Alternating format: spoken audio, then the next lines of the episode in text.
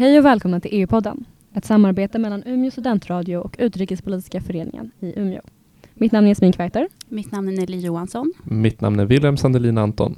Och vi kommer att sända avsnitt inför EU-valet i maj. Mr. Juror, Mr. Juror. Mr. Juror, Mr. Juror, let the union take control.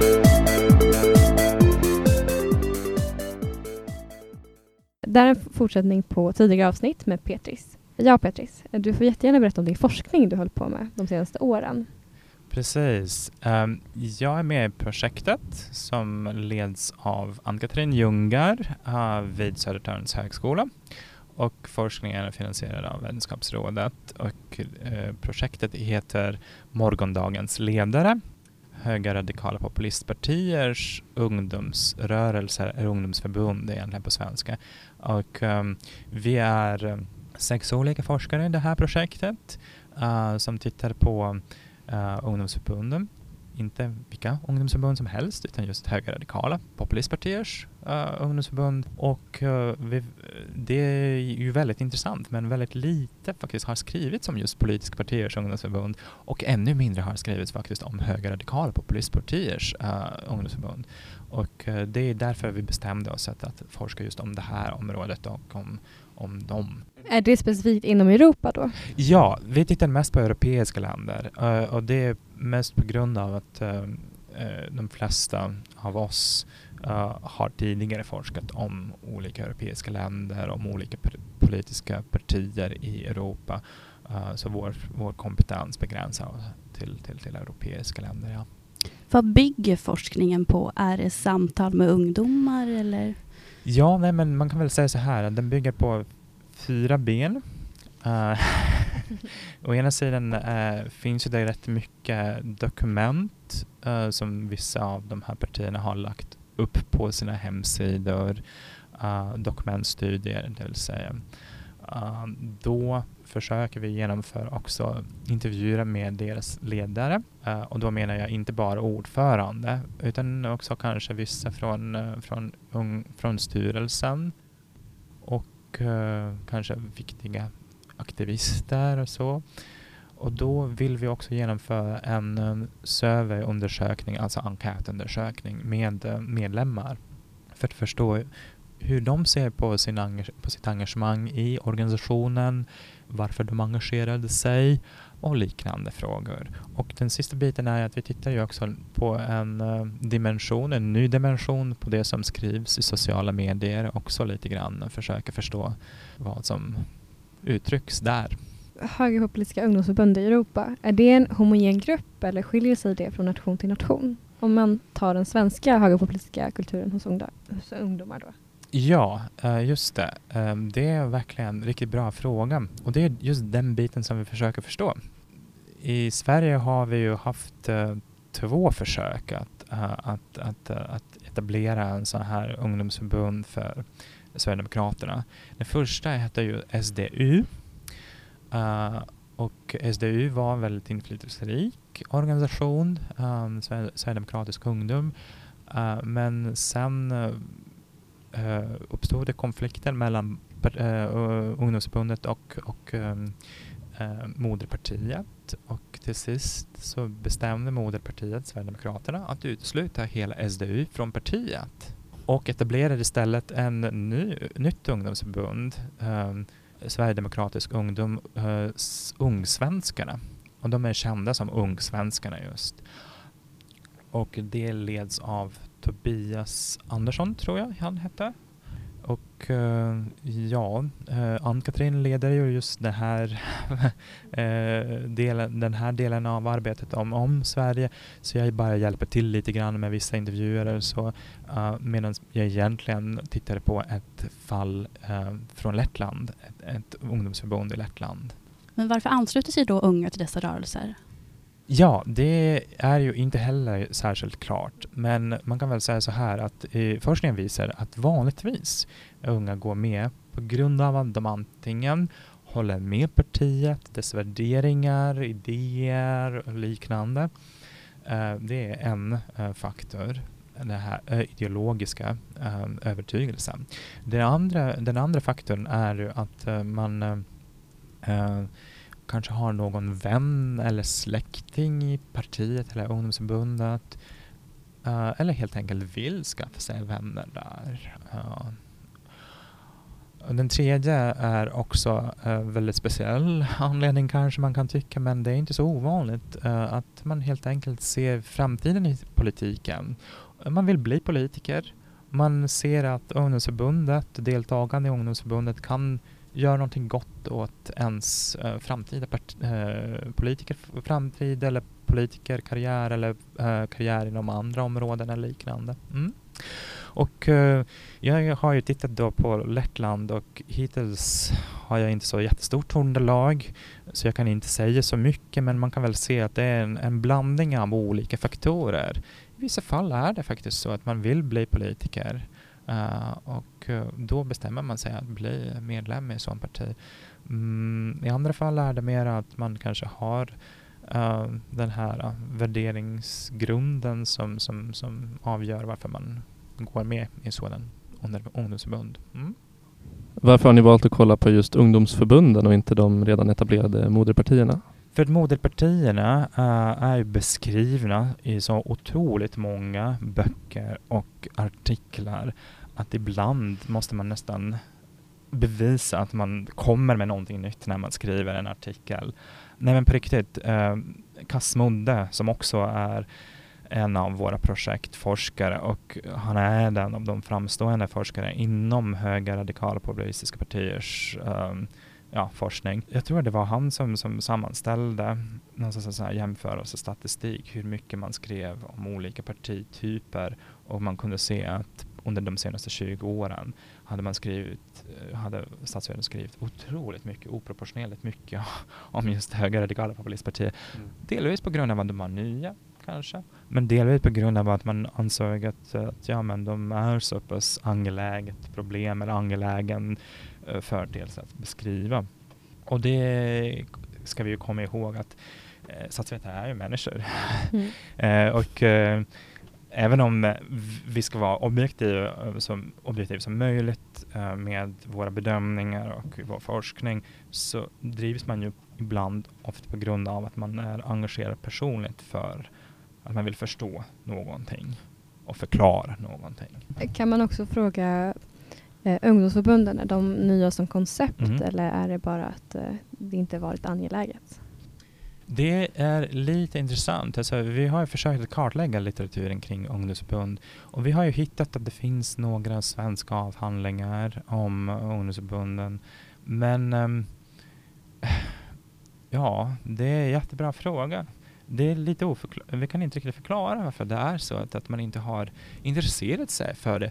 Men, men det är viktigt att titta på ungdomsförbunden för att vi ser ju en tydlig tendens att flera av ungdom, ungdomsförbundens ledare har blivit antingen framstående politiker eller även i vissa fall ledare för vissa uh, höga radikala populistpartier. Uh, jag menar om vi tittar på, på Sverige så var ju Jimmy Åkesson tidigare också uh, ordförande för SDU och eh, senare gick han vidare och blev vald till partiordförande. Du nämnde också att ungdomsförbundens roll har varit att hindra moderpartiet från att verka en mellanmjölkig politik. Eh, mm. Är då ungdomsförbundens roll, eller anledningen till varför många ansluter sig till de högerradikala ungdomsförbunden, ett sätt att gå ett, ett steg längre? Ett lite nej, hårdare politik? Nej, nej, inte riktigt så. Jag tänkte inte riktigt så. Jag, jag, jag tänker mer liksom som att ideologisk vakthund, det innebär helt enkelt att man, att man inte att man bevakar att, att moderpartiet inte blir alldeles för mjuk i vissa frågor. Uh, att man den håller verkligen sig till, till den ideologin som, som man um, som man egentligen har skrivit in i sitt partiprogram eller liknande. Det behöver inte nödvändigtvis vara så att, att, att eh, högerradikala partiers ungdomsförbund vill att, att, att, de, att, att partiet blir någon sorts av extrem, extrem extremistparti. Nej, nej, så menade jag inte det. Uh, men, uh, men eh, ja, det, det, finns ju lite grann av, av, av, av ungdomens privilegium också att uh, att man kan kanske vara lite mera friare i sitt tänkande. Man behöver inte ta ställning till hur, hur partistrategin ska se ut och så vidare. Och så vidare. Utan man, man måste ju kanske låta också ungdomarna att, att, att, eh, att, att tänka fritt att eh, tänka kanske i vissa fall radikalt. Men i vissa fall blir det, den här spänningen mellan partiet och ungdomsförbundet alldeles för, för stor, alltså för hög. Och då, då har ju moderpartiet vidtagit vissa åtgärder.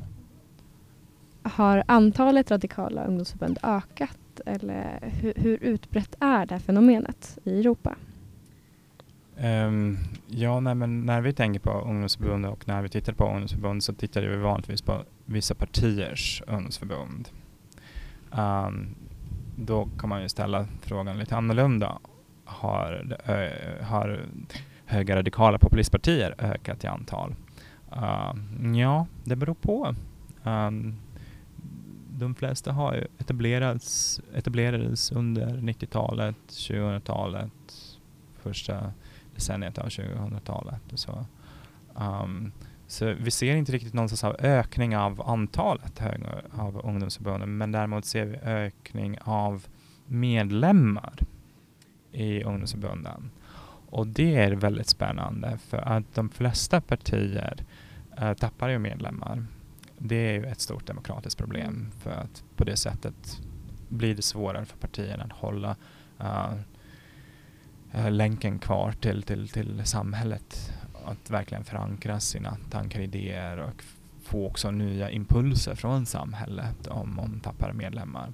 Men det som vi har sett uh, i hela Europa sedan ungefär 20 år tillbaka är att uh, just högerradikala populistpartier har fått ökat medlemskap.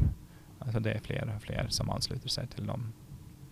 Så unga, eller vår generation då, vi som studerar, är det vi som är de som går med facklan i hand? I en del i alla fall. Mm. En del, ja. Inte, inte nödvändigtvis en jättestor procentandel men, uh, men, men en del säkerligen också väljer att gå med i sådana partier. Ja. ja. Det, återigen, jag vill betona att, att eh, den här medlemstappet som jag pratade om, den är den skiljer sig från land till land uh, och eh, under vissa perioder är det tydligare, under andra perioder är det däremot uh, mindre tydligt att det förekommer någon sorts av minskning av medlemmar, men um, av antalet av medlemmar. Men um, ja, mm, generellt kan man väl säga att under längre period ser man sorts av minskning av antalet. De här högerradikala ungdomsförbunden verkar ju ha en ganska stark mobiliserande kraft i samhället. Mm. Bidrar det här också till ökad EU-skepticism på något sätt? Kanske. Um, mycket sannolikt. Mm. Um, det som vi har sett är ju att um, sociala medier används ju på ett väldigt annorlunda mm. sätt. Man är mer personligt, mm. man är mer mobiliserande mm. verkligen. Man är mer polariserande också i sin mm. retorik. Man kritiserar polit det politiskt mm. korrekta och man tar ut svängarna. Um, uh, så ja, det tilltalar ungdomar, det tilltalar folk som uppfattar att uh, samtalsklimatet uh, domineras av politisk korrekthet. Mm. Vad kan vår generation förvänta sig om utvecklingen fortgår? Ja, utvecklingen i vad? Eh, men om vi pratar i termer av EU-skepticismen och att fler personer ansluter sig till ja. Eh, högerradikala mm. ungdomsförbund. Ja, ja, Nej, men för det första um, vill jag varna er om att dra alldeles för enkelt uh, slutsats att, att är, man, är det ett högerradikalt parti att det automatiskt blir också EU-skepsis som uttrycks Eh, för att Front National, Frankrikes äh, främsta exempel mm. på högerradikala parti, eh, det var ett parti som var faktiskt ganska så positivt mm. till EU och EU-integrationen på 80-talet. Mm. Och 1988, uh, 92, så i den perioden så skedde det en förändring. Uh, och plötsligen var det inte längre det mest EU-positiva mm. partiet utan tvärtom det mest EU-skeptiska partiet. Uh, så vi kan ju se också lite grann uh, om, ompositionering uh, i, i olika frågor i framtiden. Så det är inte hugget i sten så att säga. Att så här kommer det vara. Men om vi ser uh, ökning av, av EU-skepticismen i Sverige så är det inte osannolikt att vi kanske också kommer att se ökade krav på att uh, träda ur EU. Um, ehm, alltså krav på att organisera uh, folkomröstning om Svexit. Det kan vara möjligt. Jag säger inte att det är jättesannolikt men, eh, men, men, men det är möjligt att uh, det kan ske någon gång i framtiden om förutsatt att, att, att, att verkligen det finns folkstöd för, i opinionen för detta. Slutligen då, hur ska vi unga se på det här? Är det ett problem eller är det någonting som kommer försvinna ut i vattnet lite? Högerradikala eh, idéer hos oss unga. Oss, inte specifikt vi i rummet då, men i Europa. Nej, men jag tror att, att uh, högerradikala idéer kommer inte försvinna så lätt. Um, de har gjort sitt intåg uh, i modern politik i Sverige, i Europa. Och det, det som vi ser är att de blir mer och mer institutionaliserade. Återigen, om man har ungdomsförbund så sannolikt kommer vi också se ledare från nya partiledare som kommer därifrån, från dessa ungdomsförbund. Så jag tror att vi kommer se i framtiden högerradikala politiker som har fostrats upp i dessa ungdomsförbund. Vad det innebär i förlängningen för oss i Sverige och för EU, det återstår att se, men det är inte uteslutet att, eh, att, eh, att EU-projektet omdefinieras eller blir eh, mera betonad på nationsstaten, på, på, på nationsstatens bevarande kanske.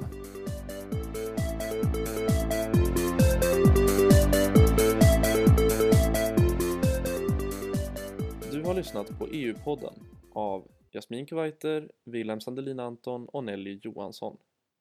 EU-podden är ett samarbete mellan Umeå studentradio och Utrikespolitiska föreningen Umeå.